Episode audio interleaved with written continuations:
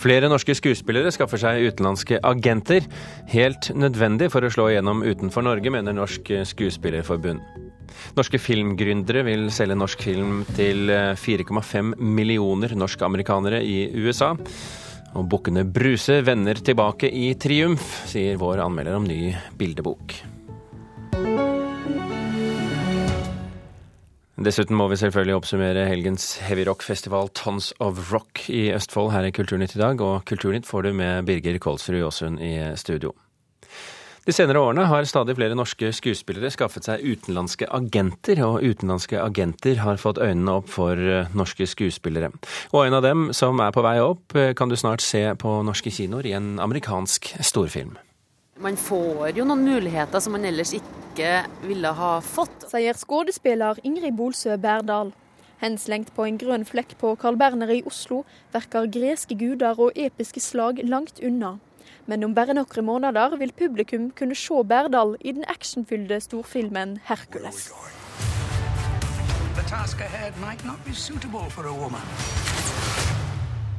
En film hun kanskje ikke hadde fått mulighet til å være med i om det ikke hadde vært for utenlandsk agent. Det er jo et sånt prosjekt som jeg fikk gjennom uh, utenlandsk agent. da, og Som òg tror jeg kom i stand nå fordi at jeg hadde vært i mye av de type møter før og visst på en måte hvordan jeg måtte tenke for å bare klare å smette igjennom.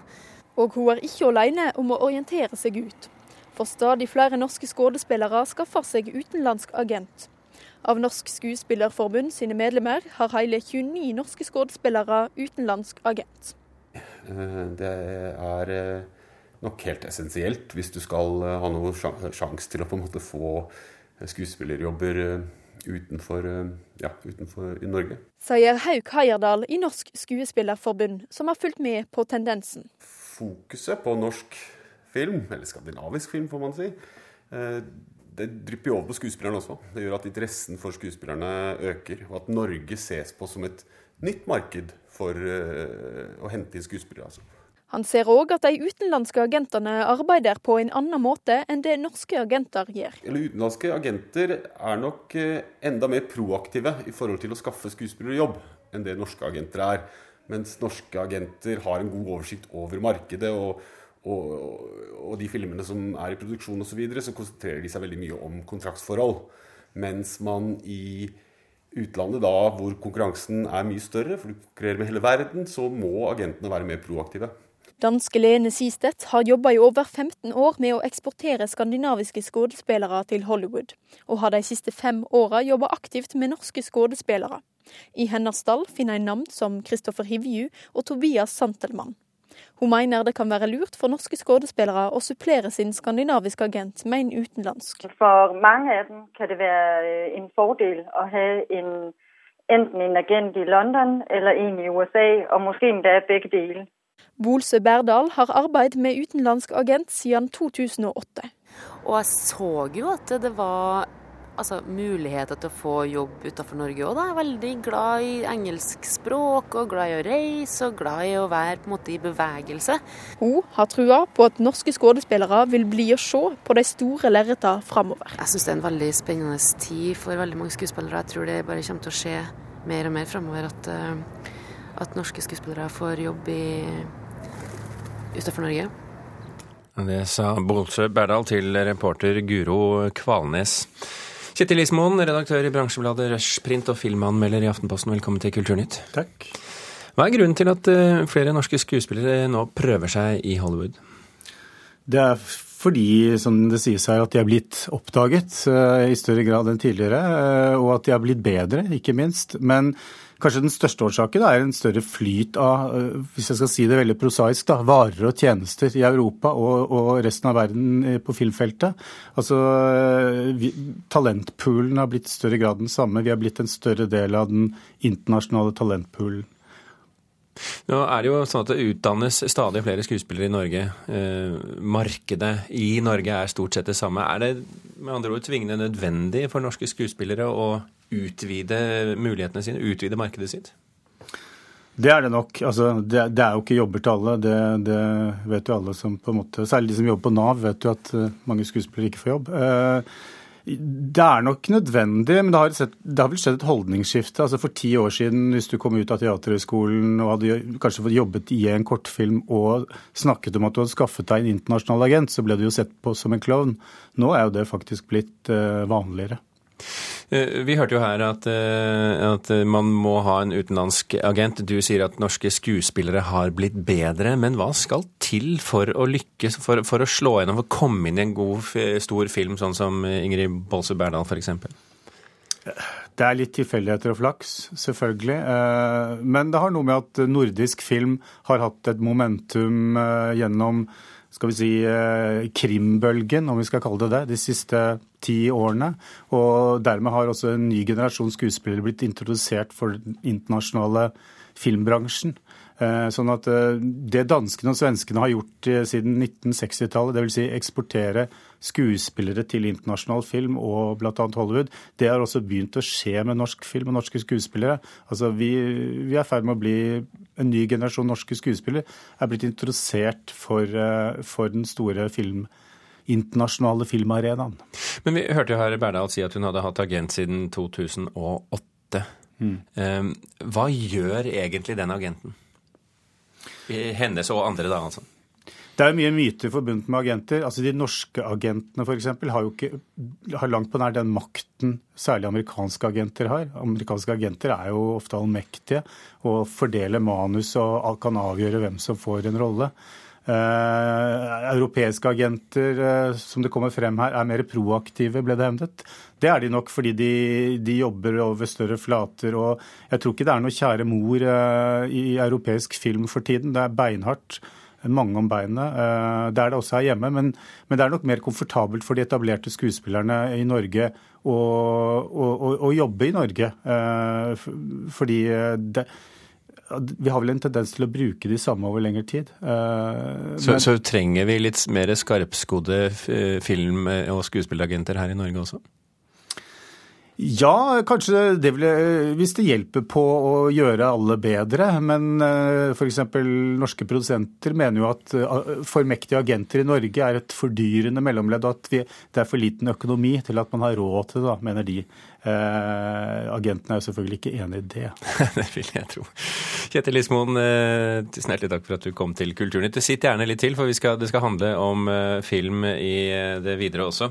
Gründerne bak Films of Norway håper nemlig at 4,5 millioner norskamerikanere eh, og en stor interesse for nordisk kultur i USA kan gi et nytt marked for strømming av norsk TV og norsk film. Uh, you must be the new neighbor. Giovanni Hankinson. oh, you're in the postal service. I'm chief of police. Okay. Lillehammer er jo den store suksessen, da. Det, det er liksom ikke tvil om. Broen er jo en skandinavisk produksjon, og den snakkes det mye om i statene.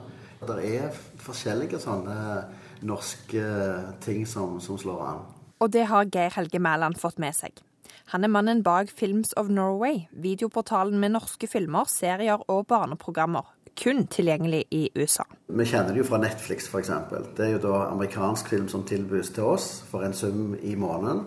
Og vi skal da gjøre det samme, bare andre veien. Vi vil tilby norsk film i USA. Om markedet finnes, gjenstår å se, men da nordamerikanerne ble talt opp i år 2000, viste statistikken at hele 1,6% av den amerikanske befolkningen har norske aner. Det betyr over 4,5 million norskamerikanere i USA. Men så har vi underveis òg funnet ut at det er en del amerikanere som ikke har nødvendigvis tilknytning til Norge rent sånn genetisk, men som syns det er kult med norske ting. Ehm, de leser Jo Nesbø, de hører på norsk musikk. Og så syns de at dette er litt kult, da, selv om de ikke har noen familiære bånd eller gener til Norge. Og så er det jo liksom noe nasjonalromantisk, noe stilig med Norge, noe eksotisk for eh, norskamerikanerne. Fjell, fjorder, lefser eh, har blitt veldig populært. Sier salgsansvarlig i Films of Norway, Oskar Eriksen. Kom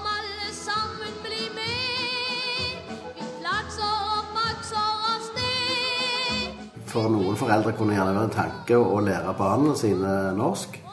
Og da er muligheten for å ta vekk den engelske teksten, sånn at uh, ungene får det norske språket inn ved å se barne-TV. Altså uten at det nødvendigvis er så veldig mye bøker og opplæring, så får de det norske språket inn den veien.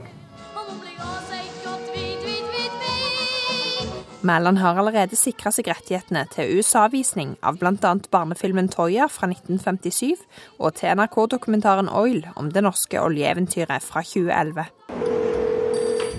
Kristiansen. Merry Christmas. I think we got ourselves an oil field. Norsk film og serie har ikke vært så enkelt for amerikanerne å få tak i. For amerikanske aktører som Netflix, HBO, iTunes og Google har en klam hånd om det digitale filmmarkedet. Og vi har få norske, eh, eller ingen norske tjenester, og veldig få europeiske tjenester som leverer innhold via disse nye tjenestene. Og det er ikke optimalt for norsk innhold, sier lanseringsdirektør Stine Helgeland ved Norsk Filminstitutt. Norskandelen i streamingtjenester har gått eh, dramatisk ned i forhold til når man hadde et marked med fysiske produkter, altså hvor du solgte CD-er. Så sånn sett så kan du si at det gjør noe med innholdet. Men selskapet fra Stavanger er klare for å ta opp konkurransen med Netflix, og planlegger lansering ved årsskiftet, iført bunad. Vi lagde et bunadsbilde. Eh, og etter hvert så utvikla det seg i USA til at eh, real men wear bunad. Så det utvikler seg nå til en hashtag der eh, folk legger ut bilder av seg selv i bunad. Og det er tydelig at det er noe som treffer i dette markedet. Skal vi se om Netflix klarer å matche det. Reporter i denne saken, det var Eirin Larsen. Arkitektkontoret Space Group har slått seg selv konkurs, det skriver Dagens Næringsliv i dag. Space Group ble kjent for offentligheten da de var med og tegnet Deichmanske bibliotek, den gang det var tenkt bygget på Vestbanen. Og nå er de mest kjent for å ha tegnet det nye, ennå ikke bygde Oslo sentralstasjon. Space Group opplyser at konkursen skyldes underslag av en utro tjener og gjeld på mer enn 15 millioner kroner. Selskapet sier til avisen at det har meldt seg flere som er interesserte i å drive virksomheten videre. Inkarikets veinettverk er innlemmet nå på Unescos verdensarvliste. Det 30 000 km lange veisystemet kalles Kapaknan. Det går gjennom seks søramerikanske land og beskrives som et ingeniørmessig underverk av FN-organet. Inkaveien er et av 14 nye steder som hittil er blitt tatt inn på listen under verdensarvkomiteens møte i Qatar, i tillegg til bl.a. vinmarker i Piemonte i Italia, hulemalerier i en grotte i Frankrike. Og neste år skal industriarven på Rjukan og vikingarven vurderes av UNESCO. Den svenske barnebokforfatteren Gunell Linde er død. Hun ble 89 år gammel. Forfatteren skrev blant annet bøkene Den hvita stenen og Redda Joppe død eller levende. Linde ble født i Stockholm 1924 og jobbet blant annet som TV- og radioprodusent og journalist, i tillegg til karrieren som forfatter, ifølge Dagens Nyheter. I dag kan dommen falle i saken mot de tre Al Jazeera-journalistene som står tiltalt for å ha hjulpet muslimske, Det muslimske brorskap, en organisasjon det nye regimet har stemplet som en terroristorganisasjon. Og Midtøsten-korrespondent Sigurd Falkenberg Mikkelsen, hva kan vi forvente av domsavsigelsen i dag? Her i Kairo er det selvfølgelig svært uh, mye spenning knyttet til denne dommen, særlig blant uh, utenlandske journalister uh, og familiemedlemmer til de som nå skal dømmes. Det har vært noen positive tegn. De friga en sultestreikende annen Al Jazeera-journalist nylig, Abdullah El-Shami. Et annet positivt tegn har vært at det er svært kort tid mellom siste seanse og dagens domsavsigelse. og Det blir tolket som kanskje en mulighet for at de ikke trenger så lang tid for å skrive en fellende dom, og at det kanskje kan komme en frigivelse. Men det er absolutt ingen garanti for dette. Det er svært spent politisk her, og rettssystemet er meget uforutsigbart. og Vi har nylig fått bekreftelse på 182 dødsdommer i Minya. Hva dreier akkurat denne saken seg om, egentlig? Altså, myndighetene hevder jo da at disse journalistene har bevisst undergravd den egyptiske staten, at de har forbindelser til det muslimske brorskapet, og at de har da spredt falske nyheter. I tillegg er det et teknisk spørs spørsmål her, nemlig om de hadde akkreditering eller ikke. Det hadde de ikke, men det er klart at den dommen som de nå står overfor, har ingenting med akkreditering å gjøre. De står overfor kanskje opp mot 15 år i fengsel.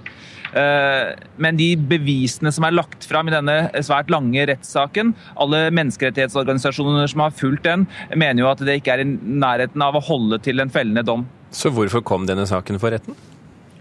Disse journalistene ble arrestert fra Marriott Hotel eh, her i eh, Kairo.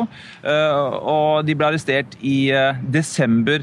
Dette var da i etterkant av kuppet. Det hadde vært den voldsomme aksjonen på Rabah-plassen mot de, Det muslimske brorskapets demonstranter. Og det var, ytter, og det var portforbud i etterkant av dette her i byen. Sånn at det var en, det var en veldig spent, spent situasjon. Det var et voldsomt press mot media. Og så har de da eh, egyptiske myndigheter mot en konflikt med, med Al Jazeera, som de mener eh, står for tett på brorskapet. Eh, Men det er også interessant at jeg tror ikke myndighetene her har klart å skille mellom eh, Al Jazeera English, som er den globale kanalen til Al Jazeera, som disse journalistene jobbet for, og Al Jazeera Mubashir, som er den lokale eh, Al Jazeera-kanalen i Egypt. Det er jo ikke lenge siden eh, Det muslimske brorskap eh, var eh, demokratisk valgt i Egypt. Nå er de altså en terroristorganisasjon i myndighetenes øyne. Hva forteller dette om utviklingen i Egypt for tiden?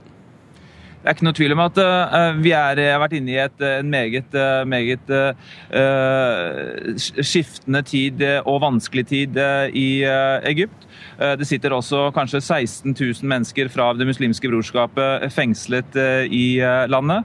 Eh, Og så var det da presidentvalg nylig eh, hvor eh, den tidligere forsvarsministeren eh, Abdel Fattah al-Sisi eh, vant. Så på overflaten så er den politiske situasjonen eh, ganske stabil, men det er klart at eh, det er ingenting av disse problemene er eh, løst, eh, og det er absolutt fare for eh, mer uro her framover. Og hvis det blir en fellende dom nå, kan den ankes? Eh, Det er eh, sannsynlig, men en sånn, sånn anke vil i så fall ta lang tid. eh, Og de kan da bli, risikere å bli sittende lenge i fengsel. De har jo allerede sittet over et halvt år, og den ene journalisten her hadde en skulderskade da han ble arrestert, som han ikke har fått eh, behandling for. Så han har, den skulderen er nå meget Den kan han ikke bruke. Så det ville være svært alvorlig for de journalistene som da står for retten i dag. Sigurd Falkenberg Mikkelsen, takk for at du var med i Kulturnytt. Klokken er eh, drøyt 20 minutter over åtte. Du hører på Kulturnytt, og dette er toppsakene i Dagsnytt nå. Levedyktige fostre med hjertefeil, klumpfot og misdannelser i ansiktet kan ha blitt abortert i strid med loven. Helseministeren frykter at loven ikke blir fulgt. Det er uansvarlig å tillate mer laks i oppdrettsanleggene nå, sier oppdrettskonsernet Marine Harvest. Regjeringen foreslår å øke antall fisk i merdene. Israelske fly angrep i går kveld ni mål i Syria. Det var en gjengjeldelsesaksjon etter at en israelsk tenåring ble drept av en granat skutt fra, sy fra syrisk side av Golanhøydene. Svenskene har eh, prøvd å ta Fredriksten festning i Halden seks ganger på 450 år uten å lykkes. Men med tanks som forsterkning var det svenske power metal-bandet Sabaton klar for å erobre festningen i helgen. Og det var viktig for Sabaton å spille på hardrockfestivalen Tons of Rock i helgen, for de har en spesiell tilknytning til akkurat det stedet. Med power metal og fyr og flammer og en tanks eller stridsvogn stående på scenen. I det hele tatt, denne gangen skulle svenskene innta Fredriksten festning i Halden. Tenkte vi at vi skal återskape slaget om Fredrikstens festning? Lenge har det svenske bandet Sabaton drømt om å spille her. I helga fikk de muligheten gjennom hardrockfestivalen Tons of Rock.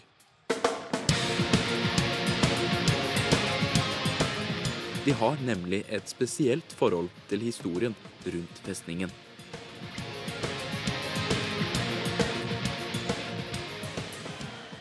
Ærlig talt, når vi satt og skrev skivan Carolus Rex, da tenkte vi fy faen, vad heftig det vore å få spela en konsert her noen gång. Det forrige albumet, Carolus Rex, dreide seg om den svenske krigerkongen Karl 12., som for ca. 300 år siden ble skutt rett utenfor festningsmurene.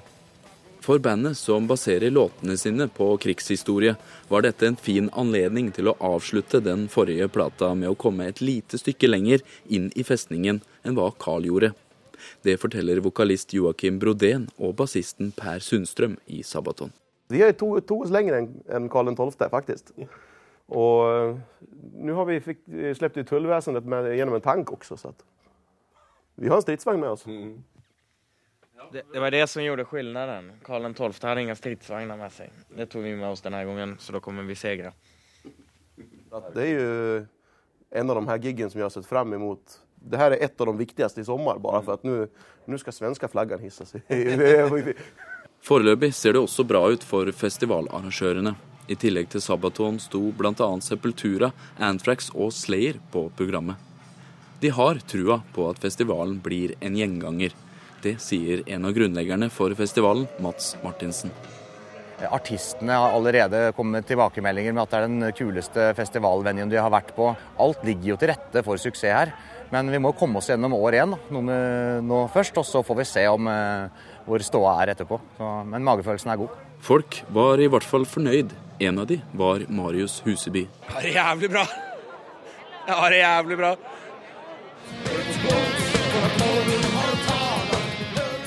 De tok kanskje ikke festningen med makt som Karl 12. hadde tenkt. I Sverige topper de albumlistene og gjør det også svært bra i utlandet. Så kanskje erobret Sabaton en del av Norge, i hvert fall for én kveld. Og det hørte her reporter Martin eh, Tangen Schmidt. Asbjørn Slettemark, musikkjournalist i NRK. Du hadde stor tro på forhånd på at denne festivalen skulle bli en suksess. Ble den det? Um, ja, på lang vei så uh, ble um, Tons of Rock sitt første år en suksess. Altså, de får på en måte masse gratis med at selve området Fredriksten festning er helt fantastisk. Det er som skreddersydd for å ha en hardrockfestival. De utnytta området på en god måte. De satte opp et program som fungerte bra for et bredt eh, rockepublikum.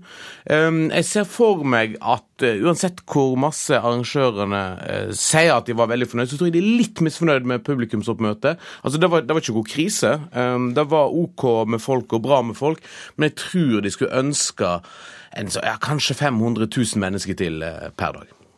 Hva er det som gjør festningen så velegnet til eh, hardrockfestivalen? Altså, en hører jo da når en hører et band som Sabaton her fortelle, altså hardrocken er jo si, en eh, pompøs, scenisk, ofte knytte, eller scenisk sjanger som ofte er da eh, knytta i historiske tema og, og, og sånne ting. Og, og det gjør jo at konsertene får et, eh, ja, ekstra, et ekstra aspekt på, på, på festivalen. Og, og du så òg at alle bandene som spilte, stortrivdes i, eh, i disse omgivelsene. Hva var det beste og det dårligste? Altså Høydepunktet for min del var noen andre svensker som heter Ghost, som er et um, veldig teatralsk band som kler seg opp som um, italienske paver og spøkelser og, og alt mulig. Leverte en fabelaktig konsert på, på fredagen. Og selv om Sabaton ikke, ikke alt av det er, er, er min kopp uh, te, så leverte de en perfekt konsert for festivalpublikummet på, på lørdagskvelden. Sepultura, Anthrax, Slayer, alle disse bandene så dagens lys tidlig på 80-tallet. Mhm. Eh, Er det et godt tegn at så vidt mange aldersstegne band var på plakaten? Altså Det viser jo at hardrocken har dype røtter, eh, lang kultur, eh, og at, eh, at fansen vet å sette pris på veteranene som har vært med og skapt denne sjangeren. Black Sabbath reiser rundt og, og er spiller på festivaler over hele Europa. Men det er jo klart at det er jo en, det er jo en sjanger hvor det er både voksne artister og etter hvert delvis et voksen publikum òg. Asbjørn Slettmark, tusen hjertelig takk for at du var med i eh, Kulturnytt. Vi skal rett til eh, og dagens bokanmeldelse. Eh, Med 21 opplag på fem år er nemlig Bukkene Bruse på badeland en av de største bildeboksuksessene i Norge gjennom tidene, og nå er endelig oppfølgeren her. Lever den opp til forventningene? Her er vår anmelder Anne Katrine Straume. Og jeg bukker dypt for forfatter Bjørn Rørvik og illustratør Gry Maursund, som har laget en minst like morsom variant av det velkjente eventyret som sist. Også i år skal brødrene på sommerferie. Også i år er setra målet, men hvor er trollet? Han er havnet på gamlehjem. Med sine 300 år har han automatisk krav på plass. Men hvordan går det med de andre beboerne, som må leve med et troll midt iblant seg? Sjelden har vel en bildebok vært så etterlengtet som Bukkene Bruse vender tilbake. Bukkene Bruse på badeland, som kom for fem år siden, er solgt i imponerende 110 000 eksemplarer. Den er genial i sin enkelhet, der forfatter og illustratør gir folkeeventyret om Bukkene Bruse fornyet og fantastisk liv. Mange kjenner Bjørn Rørviks tøylesløse humor fra bøkene om reven og den retthalede grisungen. Han har en helt spesiell evne til å se originalt på det velkjente. Jeg holdt nesten på å si at han skriver som barn leker, der hverdagens rammer blir tøyd og utforsket av en som ennå ikke er blitt fullstendig fanget i dem. Gry Maursunds illustrasjoner er ikke mindre fantasifulle. Hun bruker sterke, nærmest skrikende farger, og har en naivistisk, barnslig stil. Men synet kan bedra, her er detaljer i massevis for øyet som vil se. Bukkene har alle tre sin tydelige personlighet, og trollet er så skummelt at det truer med å sprenge seg ut av boksidene, som må betraktes både på langs og på tvers. Trollet er likevel ikke skumlere enn at også han er med på leken. Når de tre bukkene Bruse kommer på besøk på gamlehjemmet, og trollet gjemmer seg under bordet, som får duge som bro, vi er da tross alt på en institusjon, så får han seg en overraskelse. Den mellomste Bruse har nemlig begynt å yppe seg med sine voksne horn, så når han kommer trippende over bordet og svarer trollet med at bare kom du, i stedet for å vise til den største bukken, da roper trollet å, det er ikke du som skal si det, du ødelegger hele leken, din tannpirker. Alle som har lest Eventyr for barn, vet at de vil ha det likt hver gang. Det nytter ikke å hoppe over noe eller endre på noe. Men disse moderne fortellingene om Bukkene Bruse understreker gleden ved fantasi, ved nye påfunn, ved muligheten av å leke med en allerede velkjent og gjennomterpet tekst. Intertekstualitet heter dette på fint. De beste bildebøkene har ofte det til felles at de henvender seg like mye til voksne som til barn. Rørvik og Maursund faller aldri for fristelsen til å selge seg inn til foreldrene fremfor barna. Men vi voksne får så absolutt vårt. På bensinstasjonen kjøper bukkene tre slappe rosinboller, og savner underforstått rømmevaflene på setra. Det er gjennomgående så mange lag, detaljer og referanser både i tekst og illustrasjoner at jeg ikke risikerer stort når jeg spår at dette er et kunstverk som vil leve lenge. Og snipp, snapp, snute, så er eventyret ute. Lars Tronsmoen, Tone Staude og Birger Kålsrud Aasund takker for følget.